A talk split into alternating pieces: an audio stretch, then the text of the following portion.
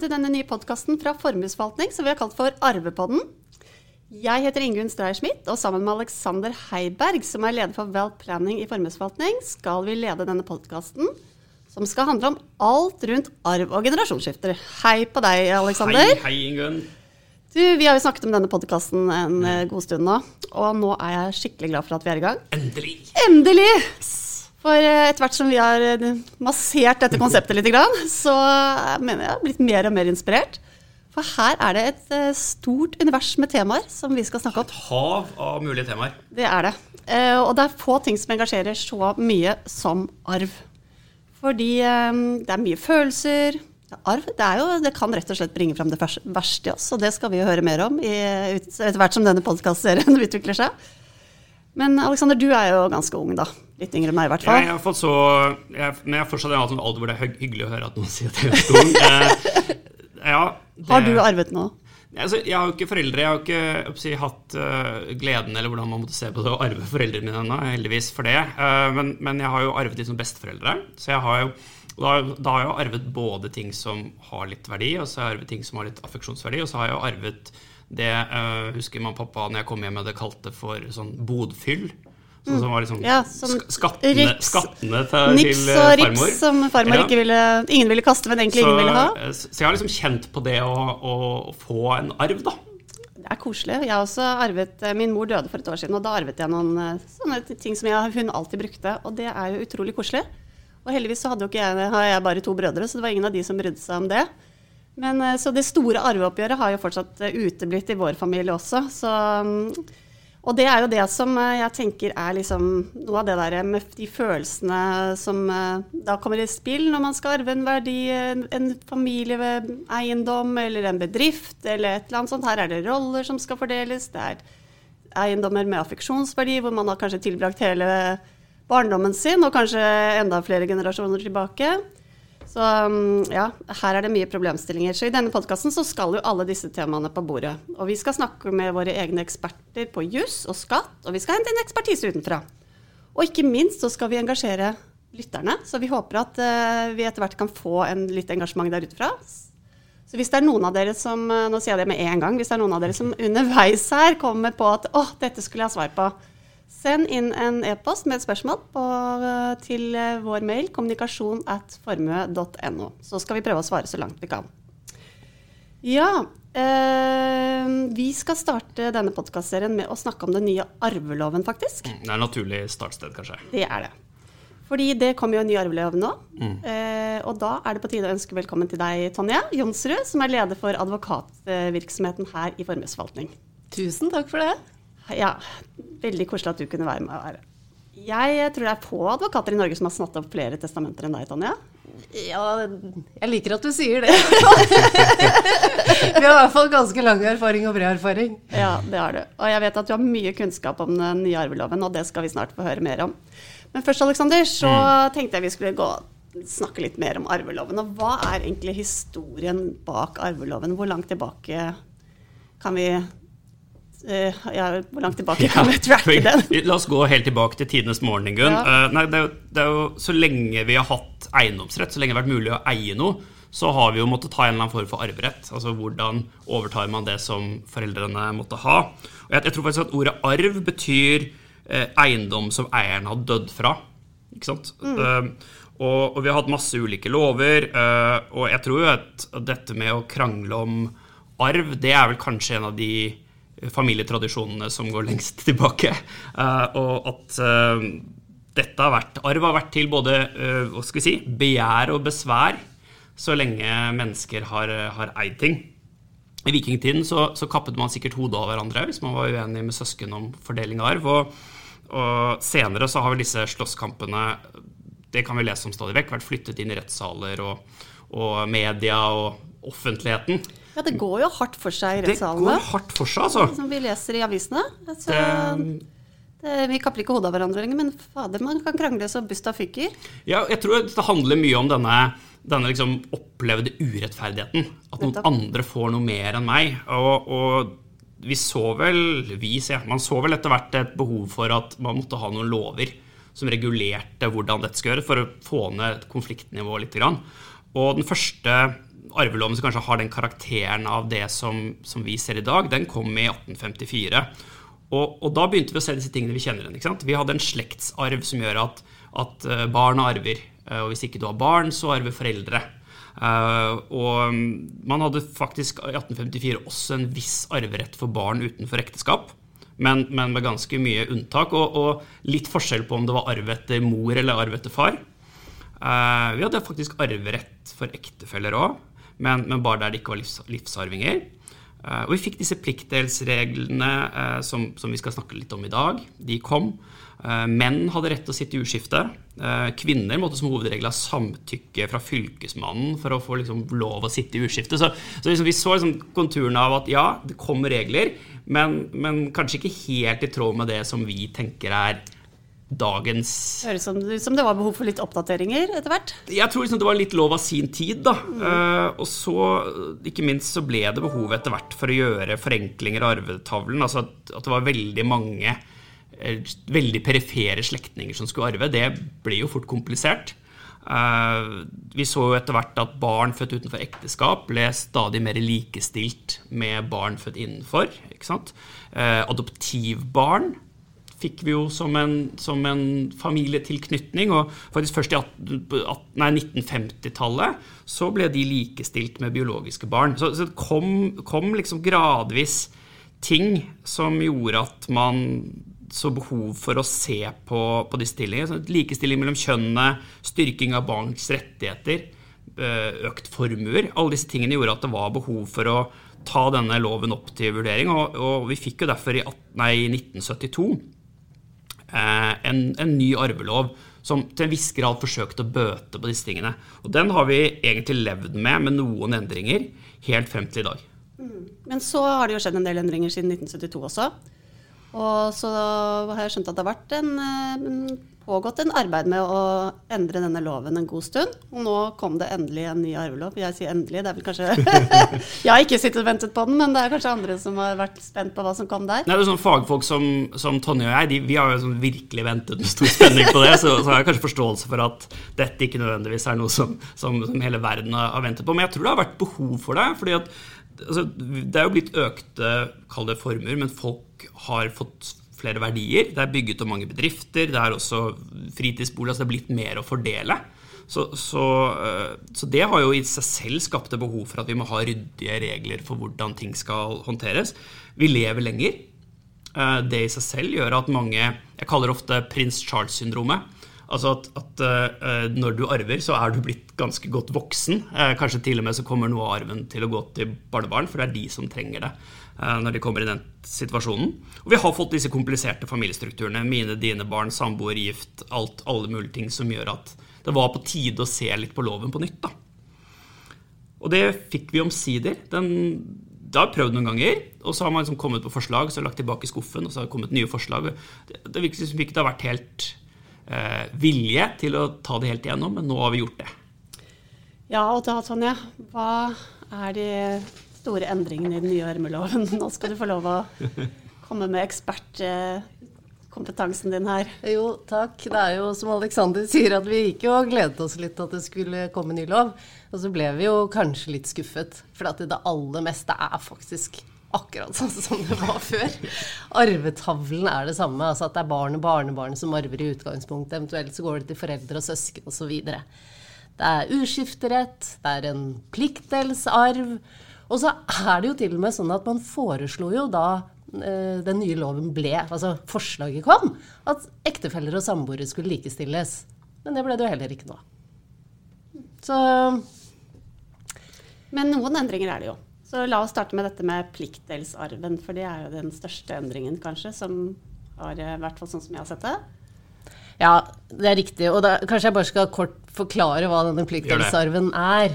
Eh, for det handler om at det er den delen av arven som du ikke kan la gå til andre enn livsarvingene, og som du ikke kan legge noen føringer på eller knytte noen betingelser til. Og pliktdelsarven har jo vært to tredjedel av verdiene som du etterlater deg, men så har det vært en øvre grense. Og den øvre grensen har vært 1 million per arving. Og det er her endringen kommer. Det er fortsatt to tredjedeler av verdiene. Det er jo der det begrepet den frie tredjedelen kommer, det du kan testamentere over. Men den øvre grensen, den er nå 15 G. Og G er jo folketrygdens grunnbeløp, eh, og er 1 G er ca. 100 000. Så 15 G blir jo da ca. halvannen million, da. Eh, så litt økt pliktdelsarv. Og fordelen nå med at det er knyttet til G, er jo at vi får en årlig regulering. Så det er ikke et beløp som blir stående, da. Uh, og så må jeg korrigere meg selv litt, fordi jeg sa at det er ingen uh, vilkår du kan knytte til pliktdelsarven, men du kan faktisk si at det er særeie. Og det kunne man tidligere også. Men det som er nytt nå, er at man uh, for umyndige, og faktisk helt opp til 25 år, kan si at også pliktdelsarven skal forvaltes av en økonomisk verge. Gitt at det er til barnets beste. Så her er det en liten endring. Og særeie, da, da snakker vi om det som du skal kunne ta med deg ut igjen gjennom en skilsmisse som ikke går inn i det som skal deles der. ikke sant? Det er det, hoved, et av de viktige ja, elementene ved å ha særeie. Mm. Skal ikke deles ved skilsmisse, det er hovedregelen. Ja. Ja. Men i tillegg så er det også innført større muligheter for å fordele bestemte eiendeler. Ja, eh, fordi den pliktdelsarven den er nå gjort om sånn at det kun er en beløpsmessig rettighet. Tidligere så var det jo sånn at hvis du hadde en bolig som du ønsket at skulle gå til ett barn, så kunne du ikke bestemme det, med mindre det var nok verdier ellers i boet til at de andre da fikk pliktdelsarven i da øvrige verdier. Mens øh, nå er det ikke sånn. Nå kan du fritt bestemme hvem som skal ha hvilke eiendeler. Men så er det jo selvfølgelig sånn at hvis da en har fått mer enn sin arveandel, så må man jo løse ut de andre da med kontanter. Men uh, hvis, vi, hvis, det er sånn at jeg uh, hadde fått en bolig, da av, Eller at mine foreldre hadde bestemt at jeg skulle få boligen som de sitter i, da. Uh, og jeg allerede hadde fått en gave av foreldrene mine fra før. Hvordan spiller det inn? Skal det trekkes fra da? ja, for da er vi inne på det som går på forskudd på arv. og så sier du jo gave. Og, og her har jeg lyst til å bare liksom rette opp denne ordbruken. Eller ikke rette deg, men bare forklare ordbruken, for det er litt forvirring ute og går. Gave, det er noe man gir mens man lever. Og så er det sånn at noen av de gavene man gir, kan man velge å si at det er forskudd på arv. Og det betyr at du da får tilsvarende mindre når det endelige boet gjøres opp. Så hvis du da fra din far har fått noe, øh, og han sier at jo, men det er forskudd på arv for deg, ja, da skal du få tilsvarende mindre da på det senere skiftet. Og Det er kanskje litt viktig å bare ta tak i akkurat det du er innom der. fordi utgangspunktet er jo at når jeg lever, så kan jeg jo gi bort egentlig hva jeg vil, mm. så lenge jeg realiteten gir det bort mens jeg er i live. Ja. Eh, så det er jo hovedregelen. Ja. Uh, og, og, de som mottar det, mottar det som gave. Og det har egentlig ikke med arveoppgjøret. Arveoppgjøret er jo å fordele det jeg sitter igjen med den dagen jeg, den dagen jeg dør. Men så kan man si denne, og, og, ikke sjelden ønsker jo foreldre det, særlig hvis man ønsker å likebehandle barna, at denne gaven ja, den skal vi hensynta når vi kommer i skiftet. Mm. Og det er en veldig fin måte å oppnå rettferdighet mellom barna også. Fordi at man har kanskje lyst til å gi fra seg hytta nå, men man har ikke verdier nok til å gi alle barna like mye nå. Men fordi jeg har en veldig dyr bolig, så vil de andre senere få tilsvarende mye. Så forskudd på arv er en veldig sånn god ting, da. Eller at man har barn som trenger penger, trenger økonomisk hjelp på litt ulike steder. Så du har litt aldersforskjell på barna, f.eks., og de trenger hjelp når de skal kjøpe sin første bolig, de skal studere. Altså, ja. da, og da er det jo ikke sånn at du nødvendigvis ønsker å gi alle det samme på det samme tidspunktet, men at de får når de kommer i en viss alder og har visse ja. behov. Det er veldig godt Men hva er liksom formaliakravet til at uh, de andre arvingene kan se om det er en gave eller forskudd på arv? Hvordan løser man det? Kan man bare si at nei, det var en gave? Og så kan de andre si nei, det var forskudd på arv. ja, og, og, det er jo en grunn til at det blir krangler i, i Despo. Dette vil jo typisk kunne være en av de situasjonene. Og du kan si at før så var det sånn det skulle sies klart ifra at det var forskudd på arv. Men du kunne som giver, da, når som helst etterpå komme og si at det var forskudd på arv. Så det behøvde ikke den gavemottakerne få vite før testamentet ble lest opp. Og by the way, den gaven du fikk for 20 år siden, den var forskudd på arv. Så, men der har det kommet en endring. Og, og, med det et formkrav, faktisk. Altså. Så nå må du idet gaven gis, si fra at dette er eh, forskudd på arv. Eh, og så sier loven at det bør gjøres skriftlig, og de andre arvingene bør gjøres kjent med det. Så vår klare anbefaling da er lag et gavebrev hvor det klart står at det er forskudd på arv, eh, og så gir du kopi til de andre arvingene. Og da kan man jo samtidig i det gavebrevet ta med andre vilkår man måtte stille for gaven, da. F.eks. dette med at det skal være særeie. Mm, så hvis det ikke er uttrykt skriftlig, så kan man i teorien det blir krangling da, om det er verdt en gave eller forskudd på arv? Ja, altså hvis det er en gave som gis nå, ja. så blir det ikke krangel. Fordi enten så er det et gavebrev. Mm. Hvis ikke det er et gavebrev, så Og er det ikke et gavebrev, så da har du ikke fylt kravene for at det er forskudd på arv. Og da er det en gave som ikke skal hensyntas på det senere skiftet. Så selv om man har liksom informert de andre søsknene muntlig, så hjelper ikke det. Det må være skriftlig. Ja, du det blir bevis. Si. det blir til syvende sist et spørsmål om bevis, ja. da. Og så kan, si, så kan, du si, at ja, det slipper jeg å ta stilling til, for den dagen så ligger jeg jeg vet ikke hvor mange fot under. Men, men jeg tror jo at uh, det generelle rådet her er å hvis du, hvis du vil barna dine godt, så sørg for at uh, mest mulig er dokumentert på best mulig måte, slik at de ikke har verken mulighet eller, uh, eller behov for å krangle. Nei, ikke ja. sant. Et godt råd, tenker jeg. Men det vil si at dersom man har gitt forskudd på arv som tilsvarer pliktdelsarven, så har man ikke noe krav på den når arvelater dør, ikke sant? Ja, det er det veldig mange tror, da. man tenker at jo, men jeg har jo tidligere gitt en million, eller 15 G nå, da. Uh, og til hvert av barna. sånn at da må jeg i testament fritt kunne bestemme over alt jeg etterlater meg. Mm. Det er bare det at pliktdelsarv, det regnes av det man har igjen når man dør. Så det er faktisk ikke så enkelt. Hvis man ønsker å gi forskudd på pliktdelsarv, ja, da er man nødt til å skrive det i et gavebrev. Og så må gavemottaker signere på at jeg aksepterer at dette er pliktdelsarven. Mm -hmm. Så det er faktisk en avtale man gjør med arvingen. Så det er en kontrakt egentlig da, som man gjør med arvingen? Ja. Det er ikke noe man ensidig kan bestemme, faktisk. Det må barnet være enige om. Dette er kanskje en av de litt sånn store misforståelsene, tenker jeg. At man, ja, men de har jo fått, de har allerede fått pliktdelsarven. Det fikk de når de kjøpte boligen sin. Uh, så, så jeg, nå står jeg helt fritt. Nå har jeg gjort opp den. Ja. Så enkelt er det ikke. Nei. Og da kommer jo kravet i det endelige boet, og mm. igjen, da, potensialet for konflikt. så det er noe av det vi er veldig opptatt av. Det er jo dette å lage testamenter og lage gavebrev og sikre at det ikke blir krangel. Mm. Men um, jeg tenker på um, det, det, det med gavebrev og, og, testament og sånne ting. Det er jo noe vi jobber mye med. alt det der. Kan ikke du gå gjennom formkravet til liksom et testament og gavebrev? Jo. Um, det er jo sånn at, Må man ha vitner på et gavebrev, eller hvordan er dette her? Du, altså Gavebrev er det jo faktisk ingen formkrav knyttet til. Uh, og det betyr jo at hvis du bare gir en ordinær gave som ikke skal være forskudd på arv, så behøver du ikke lage noe gavebrev i det hele tatt. Da er det helt greit at du bare sier det muntlig. Uh, hvorfor vi foreslår gavebrev skriftlig når det er forskudd på arv, det handler jo om dette med dokumentasjonen. Men hvis du først lager et gavebrev, så er det jo helt naturlig at man signerer og daterer. Mm. Og hvis det er sånn da, at det er stilt noen vilkår for gaven, så anbefaler jeg normalt at også gavemottaker signerer på at ja, men jeg aksepterer de vilkårene. Igjen for å unngå krangel, da. Men det er ikke noe vitnekrav. Uh, mens på testament, der er det jo mye mer formalistisk. Det skal være skriftlig. Det skal fremgå at det er et testament. Det skal være selvfølgelig datert. Det skal være signert av testator. Og så skal det være to vitner som er over 18 år ved sine fulle fem osv. De bør ikke kjenne innholdet i testamentet, men de skal vite at det er et testament de signerer på. Og her har det kommet en regel. For før så var det sånn at man måtte være to vitner til stede samtidig som testator signerte på testamentet. Uh, og her har vi fått en regel som passer ganske godt sånn inn i, i covid-19-tiden.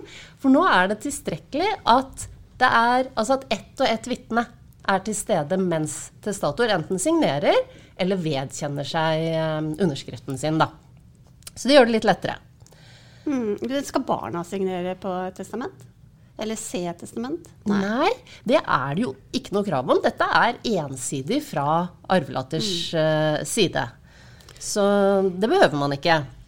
Men um, det man skal være klar over Jeg bare kom på i forhold til disse formkravene. Mm. At det er en endring til som har kommet. Og det handler om hvis du vil gjøre en endring i testamentet ditt. For der var det nemlig tidligere sånn at hvis du eh, f.eks. hadde en god nabo som du hadde lyst til å gi 500 000 til, og så skriver du det som en føring i testamentet, og så fant du ut at den naboen kanskje ikke var en så god nabo likevel, da kunne du bare stryke over den føringen, og så sto alt det andre seg, men naboen får ikke 500 000.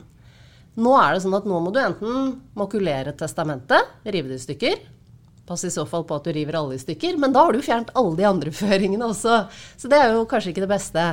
Men du kan tilbakekalle det. Så rett og slett skrive ut en, et nytt eksemplar hvor du har fjernet den ene føringen, og signer på nytt. Så det å bare stryke over Og det syns jeg er veldig bra, da. Ja, for det hørtes jo litt ja. ut. Eh, at du bare kan sette en strek over ja. noe. Eh, for hvem har satt den streken? Nettopp. det har nok vært mange bord hvor det har vært diskusjoner rundt det her. Altså, var det egentlig fars signatur eller skrift som er kommet med påtegning der? Så vi det har, går ikke. Vi har jo hatt litt uh, det, Ny arvelov har jo satt uh, selvfølgelig testament på agendaen for veldig mange. Og det har jo ikke vært en helt optimal kombinasjon med covid. Uh, jeg syns vi har mange som sier ja, hvor, skal jeg finne vitnene mine, f.eks. Um, og det er jo sånn at de som du bor sammen med, i kohort eller hva man måtte ha, de, de er jo uh, normalt tilgodesett i testamentet. Mm. Så de blir vanskelig å ha som vitner. Mm. Uh, vi skulle jo veldig gjerne sett at vi hadde hatt denne digitale uh, signeringsmuligheten, da, ja. som er varslet, og som det er litt forskriftshjemmel for å innføre, men som dessverre ikke er på bordet. Så det, det finnes jo ikke noe sånn enkel bank-ID-signering verken for den som skal sette opp testament eller vitner. Eh, så det er noen som strever for tiden og prøver å finne naboer og holde to meters avstand. Og, ja, men Jeg har faktisk akkurat hørt det. da. De møttes liksom, de, de hadde en sånn liten mellomgang. Mm. Så vitnet kom inn hoveddøren, og så sto man selv da i stuen rett innenfor, og så signerte, sendte testamentet over. Og så, så det var Står liksom i enden av gangen. Ja. 'Jeg vedkjenner meg underskriften min'. ja da. Så folk har fått det til. altså. De har møttes ute, og det har vært mange kreative signeringstiltak. Vi er tilpasningsdyktige ja, også på dette området. Men er det sånn at eh, man ikke skal ha de som er tilgodesett eh, i testamentet, som vitner? Jeg anbefaler at man gjør hva man kan for å unngå konflikt om testamentet. Og det er klart at det å ikke bruke noen slektninger, ikke bruk noen som er tilgodesett. Bare for at da er du trygg på at ikke det kan bli noe spørsmål om habilitet etterpå. Ikke sant? Det høres jo veldig klokt ut. Du, nå skal vi over til noe annet. Nå skal vi over til dette med uskiftebo. For det, det kjenner jeg at der er jeg litt sånn på utrygg grunn. Hva Jeg vet at min far han sitter jo i uskiftebo nå, så jeg burde jo egentlig Jeg har jo skjønt nå hva det innebærer. Men er det ikke mange der ute som eh, er litt sånn utrygge på hvilke regler som gjelder når man sitter i et uskiftebo, og hva man egentlig rår over av verdi, de verdiene man sitter med da? Kan ikke du bare snakke litt om det, Alexander? Ja, jeg tror uskifte er jo, Hvis man skulle lage sånn arvebingo, og så er det liksom plikt uskifte Jeg tror det er mange sånne ord og begreper som vi bruker, og som, som man har en sånn viss peiling på hva betyr, men kanskje ikke helt vet hva innebærer. Uh, og, og uskifte er nok en av de. Altså Uskiftetanken er egentlig ganske god. fordi at det vi ofte ser, er jo at man ektefeller har ganske sånn sammenvevd privatøkonomi. Og det er ikke sånn veldig klart hva eier jeg, og hva eier du, og hvordan er dette her. Og, og derfor så ser man jo at når den ene går bort, ja, så kan det være en, en veldig fin ting at den andre kan få leve livet sitt mest mulig upåvirket av det og, og, slippe å gjøre et arveoppgjør oppi det, hvor man skal forsøke å fordele og, og hva skal jeg da Hvis hvis jeg skal fordele alle eiendelene, hvor skal jeg bo? Hvis, I verste fall hvis boligen skal videre til barn osv. Alt dette her. Det, det, det blir kjempekomplisert. Så, så, det er en grunntanke hos oss og, og, i mange andre land at du skal kunne sitte med eh, de eiendelene på samme måte som du gjorde når du satt før den første dør. Og, og eh, så da, det, blir, det, betyr i praksis at testamentet ikke slår inn, på en måte? Nei, vi venter med mm. å, å, fordele. Altså skifte ja. betyr jo å fordele. Mm. Og vi venter med å gjøre det til den som lever lengst, dør. Og så må det selvfølgelig være noen regler da, som passer på at ikke det skjer noen ting på veien dit. Som, som, man sier sånn forringer boets verdi, som man sier. Det er kanskje nok et sånt bingo-ord, men, men, eh, men som passer på at den som lever, eh, får ta nytten av å sitte og eie disse tingene som om det var dens egne fortsatt, men heller ikke ødelegger ting som, som skal gå til, eh, til arvingen i fremtiden. Da. Så det er kanskje noe nytt her også, eller? Ja, altså hovedreglene også her er akkurat som før, sånn som du har beskrevet det. Um, og det er jo flott, fordi det gjør jo at denne lengstlevende ektefellen har ganske stor råderett, da. Men den utvides faktisk litt, fordi i tidligere lov så var det en begrensning i forhold til fast eiendom. Man fikk ikke lov til å gi fra seg fast eiendom fra et uskiftebo, og man fikk heller ikke lov til å selge det billig. Den endringen, altså endringen er at det kan man nå faktisk gjøre. Man kan gi bort det man vil ha fast eiendom. Og så er det jo ikke fullt så fritt uh, likevel. Fordi at uh, det er en annen regel som er som tidligere, som sier at du kan ikke gi bort gaver som står i misforhold til verdien i boet. Så at hvis du har en veldig verdifull fritidseiendom f.eks., og den kanskje utgjør 30-40% av verdien i boet, ja, da vil det være i misforhold til resten av verdiene, og da kan du likevel ikke gi den. Men tenk hvis du gir fra deg den eiendommen likevel, da. Det kan jo skje. Det er jo ikke alle som kjenner reglene engang. Og da var det tidligere sånn at da måtte man faktisk tilbakeføre den eiendommen. Og det er jo litt uheldig hvis du har brukt penger på påkosten osv. Men det behøver man ikke nå. Nå skal verdien av eiendommen tilbakeføres. Så man blir kompensert. Men eiendommen er faktisk gitt, da. Men litt potensial for krangling her. Ja, ja, og det er kanskje verdien av den eiendommen eh, kan jo fort ha steget litt. Grann, og... Det var ikke ment som en oppfordring til å Nå hørte vi at både Alexander og jeg fyrte oss opp her. ja. Men du, da um, har vi vært innom det meste som er nytt da, eller Tonje? Ja. Øh, en liten ting jeg kanskje kan nevne, som går på dette med samlivsbrudd. Står man midt i et samlivsbrudd, så er det ikke sikkert at det er akkurat arveretten man tenker på. Men samtidig er jo mange opptatt av at ekspartner ikke skal arve, så det er jo relevant. Eh, før så var nemlig reglene sånn at ved separasjon så opphører tidligere ektefelles arverett ved innvilget separasjonsbevilling. Mens nå opphører den idet søknaden om separasjon kommer til eh, statsforvalteren, som det heter nå, da. Mm -hmm. Så risikoen vi sitter ikke, hvis, hvis det er treg eh, saksbehandling hos ja, statsforvalteren, det er Fylkesmannen, har jeg lært det siste de har fått ny, eh, ny tittel, eh, så, så, skal ikke det påvirke dette oppgjøret. Ja, og det syns jeg jo er bare rett og rimelig. Man har tross alt sendt inn søknad, er enig om at det skal være separasjon. Og da er det også helt greit at arveretten bortfaller. Det, det, høres veldig rimelig ut. Men du, nå ble jo den arveloven den trådte i kraft fra 1.1 i år. Eh, er det noen overgangsregler Så den gjelder vel da fra 1.1, da? Men over, er det noen overgangsregler vi må tenke på her? Ja, det er jo alltid det. Eh, ting skal jo ikke være helt enkelt. Altså, loven kom med virkning fra 1.1. Det betyr i utgangspunktet at for dødsfall som kommer da etter 1.1, januar, så er det da reglene i arveloven som gjelder. Eh, for testamenter så er det jo likevel sånn at hvis testamentet var satt opp i henhold til de reglene som gjaldt da testamentet ble satt opp, så er det gyldig. Det være seg formekrav eller hvis det er andre ting, så er det gyldig. Men det kan jo være du i testamentet har sagt noe om dette med pliktdelsarv.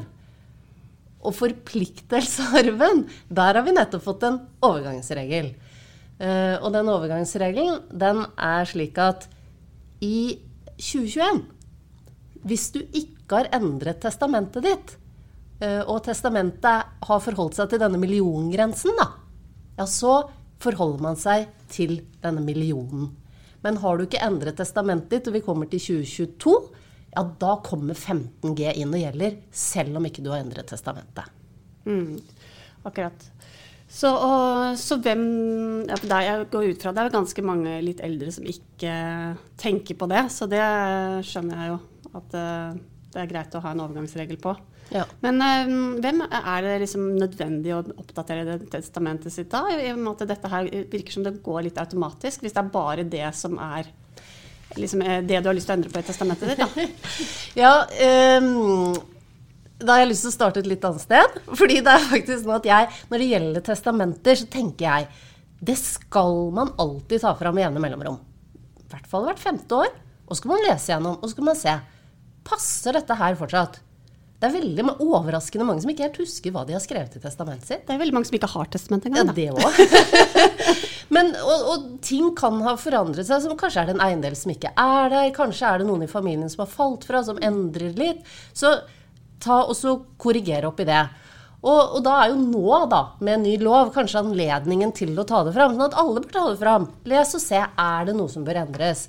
Og så er det jo sånn som vi har snakket om nå, faktisk ganske få ting i den nye arveloven som, som har endret seg.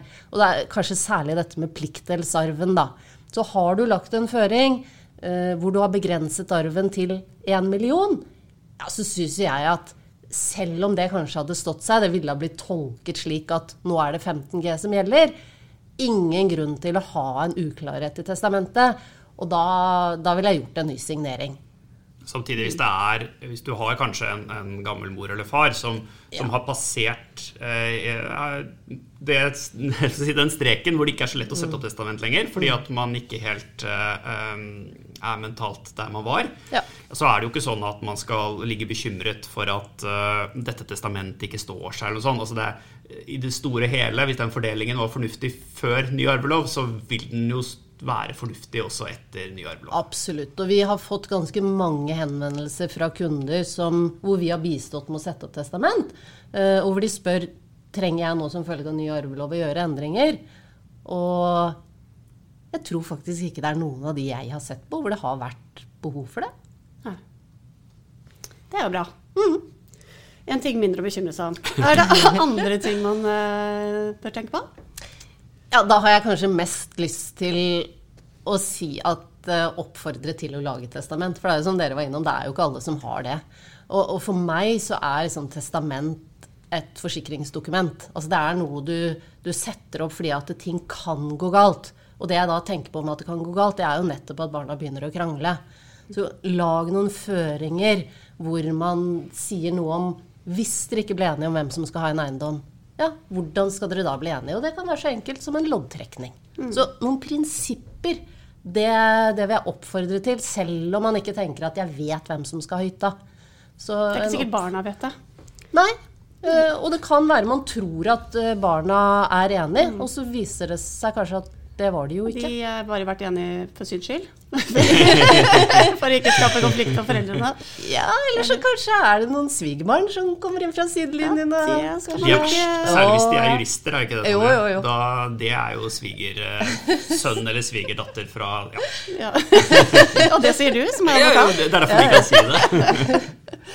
Ja, men eh, da er vi inne på det, Alexander. Kanskje en liten sånn råd til slutt. hva er dine råd hvis du skal eh, sette opp eller oppdatere testamentet. Hvorfor skal man Kan du liksom gi noen eh, oppsummerende tips liksom, til folk der ute som kanskje ikke har satt opp testamentet? Vi har Nei. vært litt inne på det, men det er dette med ja, vi var, vi var, litt innom det. Og jeg, jeg tror jo at det, det, det liksom tankesettet om at det er jo tross alt ikke du som skal leve med ditt testament. Det er, det er dine arvinger. Det er de som skal, de som skal leve med det. Du, det slipper vi stort sett å forholde oss til selv. Så, så må jo rådet være å forsøke å gjøre alt vi kan for at det skal bli en positiv opplevelse. Eh, det er sikkert mye annet negativt enn jeg håper mine arvinger vil si at det er mye trist den dagen jeg går bort, men de skal få slippe liksom å, å, krangle om, eh, om fordelingen etter meg. Eh, og jeg har vært med på, på, på arveoppgjør som går helt fantastisk. Hvor liksom folk tenker ja, dette var godt planlagt, vi fordeler, dette var fair, det var helt greit. Og så har du de der liksom dukedrakonkurransene hvor man liksom går gjennom og krangler om absolutt alt. Um, og, og, jeg tror veldig ofte handler det om at i hvert fall de viktige tingene er eh, håndtert og er beskrevet i testament. Og at man har gjort alt man kan for å liksom rydde av veien uklarheter. Og da er det faktisk ofte lurt å, å snakke med noen eh, andre som kan liksom si ja, hva mener du egentlig med det? Mm. Uh, så det ikke er sånn uklare formuleringer? Kosebo. Er det, uh, er det, hytta på fjellet, eller er det liksom Eller uh, den klassiske vin... jeg tror, er, det ikke en sånn jushistorie som er sånn Jeg gir bort biblioteket mitt, og så var det diskusjon om det faktisk var bøker, eller om det var vinsamlingen. Ikke sant? alt dette her kan man rydde av uklarheter. Så gjør det, ikke, om ikke annet av hensyn til dine arvinger. Enig, men eh, da tenker jeg liksom, eh, for meg da som arving eh, Bør jeg for da bør, Eller meg, hvis man var arvelater, da, bør man vise testamentet til barna sine? Bare sånn for å si at vet du hva, er det åpen, anbefaler man full åpenhet? Det er vel det du sier nå? Eller kan det liksom skape masse uhygge Nå er det jo snart påske når vi spiller inn denne, og da er jo påskekrim. Vi har alle sett disse, liksom, disse Agatha Christie, mm. hvor det sitter en liksom støvete, gammel, skallet advokat i enden, og så åpner denne konvolutten og leser opp, og alt går til sjåføren og hunden og, og denne, denne, amerikanske kjæresten. Um, og så er liksom det veldig spennende jeg tror jo generelt at, at, en, at barna har en liksom viss peiling på hvilken vei dette går. Det tror jeg kan være fornuftig. Og, og kanskje ikke minst forstår hvorfor jeg fordeler som jeg fordeler. Um, så, så, de hovedretningene tror jeg er ganske fint å prate med barna om, særlig der det er bedrifter og sånne ting som skal fordeles. Men jeg, jeg er litt usikker på om det er lurt å vise detaljene. Jeg vet ikke hva du tenker der, Tonje, men det, det skal iallfall være greit å kunne endre det uten at noen har en eller annen oppfatning om at den bunaden helt klart går til meg. Eller at, uh, altså, den type ting. Altså, jeg skal få lov å ombestemme meg litt på detaljene, tenker jeg. Uh, og Derfor så, så, er jeg litt sånn usikker på om jeg ville vist testamentet og sådan. Men at de skjønner litt hvordan jeg tenker, det tror jeg er fornuftig. Ja, altså Jeg tenker jo at åpenhet ofte er veldig bra. Uh, og om du viser hele testamentet, så er det jo også mulig å si at dette er det vi har tenkt per i dag. Mm. Eh, og at vi selvfølgelig kan komme til å ombestemme oss. Det er jo ikke sånn at det er hugget i sten. Vi har jo vært innom at det er mulig å, å endre. Um, men samtidig så er det jo noe med at for barna å få lov til å ta den diskusjonen med foreldrene. Da. Og hvis de er uenige, så er det jo bedre å være sur på foreldrene enn at de senere blir sure på hverandre. Det er akkurat det. Det er iallfall noen klassiske rettssaker som går på at man har fått beskrevet hvordan det skal være. Eh, så blir det endret. Og så er selvfølgelig hvem er skyld i at det ble endret. Det er min søster, som plutselig ble veldig interessert i å stelle min gamle mor. Og så har du disse diskusjonene. Så, så igjen, da. Kan jeg gjøre noe for å unngå det, så, så syns jeg det kan være et godt mål. Det er jeg enig i. Her, eh, tenk, når jeg hører dere snakke nå, så tenker jeg så her er det mange podkastepisoder fremover som vi kan fylle med disse Utømmelig hav av temaer, Ingunn. ja. Og apropos det, så tror jeg vi har kommet til veis ende i dag. Hvis ikke dere har noe mer å tilføre? Nei. Um, da gjenstår det bare å takke for i dag, og tusen takk for at du var med oss, Tonje. Det var uh, veldig flott å få dine ekspertråd. Uh, I neste episode Alexander, så skal vi snakke om arveavgiften. Det store arveavgiftsspøkelset, er det det vi det, det, er virkelig noe som engasjerer. Uh, igjen så er det jo spørsmålet om er det er det grunn for stort, så stort engasjement som vi ser for tiden. Men det er jo en ting som vi kan snakke litt om i den, den poden òg. Uh, om, om, det tror vi at det kommer arveavgift, hvordan vil det i så fall bli? Og, og er det noen ting vi bør tenke på nå? Det, det tenker jeg er et spennende tema for en pod. Da høres vi igjen i neste episode.